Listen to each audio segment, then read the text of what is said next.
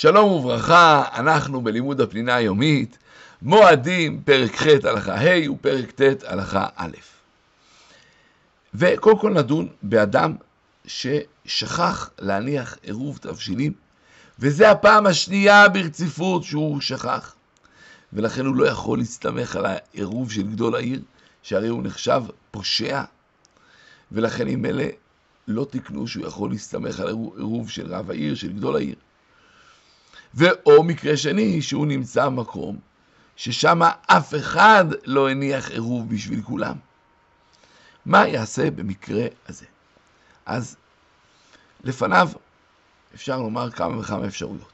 קודם כל נגיד שבמקרה שאין לו את האפשרויות שנגיד, אמרו חמים שיכול לאפות ביום טוב פת אחת ויבשל קדירה אחת וידליק נר אחד עבור השבת. אפילו בלי עירוב תבשילים. אבל מה האפשרויות הנוספות שיש לו? אפשרות אחת, אם הוא נמצא במקום שיש לו שכן טוב, שכן הניח עירוב, הוא יכול לתת לו את המאכלים שלו מתנה, כיוון שהם שייכים לשכן, והשכן עשה עירוב, אז הוא יכול לבשל ולהביא לו את המאכלים. זה אפשרות אחת. אם הוא נזכר לפני סעודת יום טוב, יכול בזמן שהוא מבשל לסעודת יום טוב למלא סיר גדול בתבשיל, שיספיק לו גם ליום טוב וגם לשבת. והואיל וזו הנחה אחת של הסיר, יהיה מותר לו לעשות את זה כמובן מהרגע שהסיר כבר אה, נמצא על האש, יהיה אסור לו להוסיף שום דבר לצורך השבת. ועוד אפשרות שיש, אה, שבה נחלקו. מה הדין אם מצד אחד הוא לא אכל סעודת יום טוב, אבל באמת הוא כבר גמר להכין את כל התבשילים שלי צריכים לסעודה. והוא אומר, מה אני אעשה? אני אבשל עוד תבשילים, ואני אוכל קצת מהם בסעודת יום טוב. ואז, וכל השאר יישאר לשבת. האם הדבר הזה מותר? יש אומרים, שואיל ובאמת, הרי הוא לא רוצה לאכול את המאכלים, זה לא המטרה. המטרה היא לכבוד השבת, הרי הבישול שלהם והאכילה שלהם, הכל נחשב כחלק מהרמה, והדבר אסור. אבל יש מתירים, הואיל ובפועל יאכל מעט בסעודת יום טוב, ורבים נהגו להקל, וטוב להחמיר. וכאן ממילא המקום להגיד עוד דבר, מה הדין אם אדם עבר ובישל במזיד, לא הניח עירוב תבשילים, עבר ובישל במזיד. אז הדין הוא שהדבר מותר. למה? כי לא יבואו ללמוד ממנו, כולם יודעים שצריך לעשות עירוב תבשילים.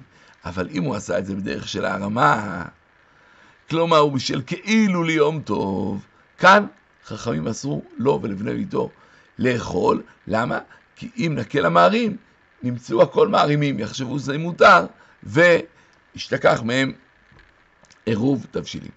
ומכאן אני רוצה לעבור לדין יום טוב שני של גלויות. קודם כל נקדים, מהתורה כל אחד מששת הימים טובים הוא יום אחד בלבד. וככה מנהג בארץ ישראל. אבל בחוץ לארץ תקנו חמים שיוסיפו עוד יום אחד, במקום יום טוב אחד יעשו שניים, והיום השני נקרא יום טוב שני של גלויות. איך הדבר הזה קרה? אז ממילא צריך להגיד, החגים תלויים בתאריך העברי. ראשון של פסח בט"ו בניסן, שביעי של פסח בכ"א בניסן, חג השבועות בתום ספירת העומר שמתחילה בט"ז בניסן, וכן אז זו הדרך. אלא שהחודש העברי הוא נקבע על פי מחזור הירח, ואורך המחזור הוא קצת יותר מ-29 ימים וחצי. ולכן ממילא יש חודשים מלאים בני 30 יום, יש חודשים חסרים בני 29 ימים. והמצווה היא שאנשים שראו בליל 30 בחודש את הירח, יבואו ויעידו בפני בית דין, ועל סמך עדותם יקדשו את החודש, וזה מה שנאמר, החודש הזה לכם.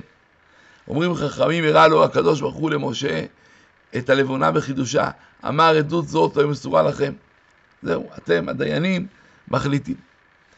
אחרי קידוש החודש היו יוצאים שלוחים לכל רחבי הארץ להודיע מתי יתקדש החודש, וממילא בזה תלוי זמן המועדים.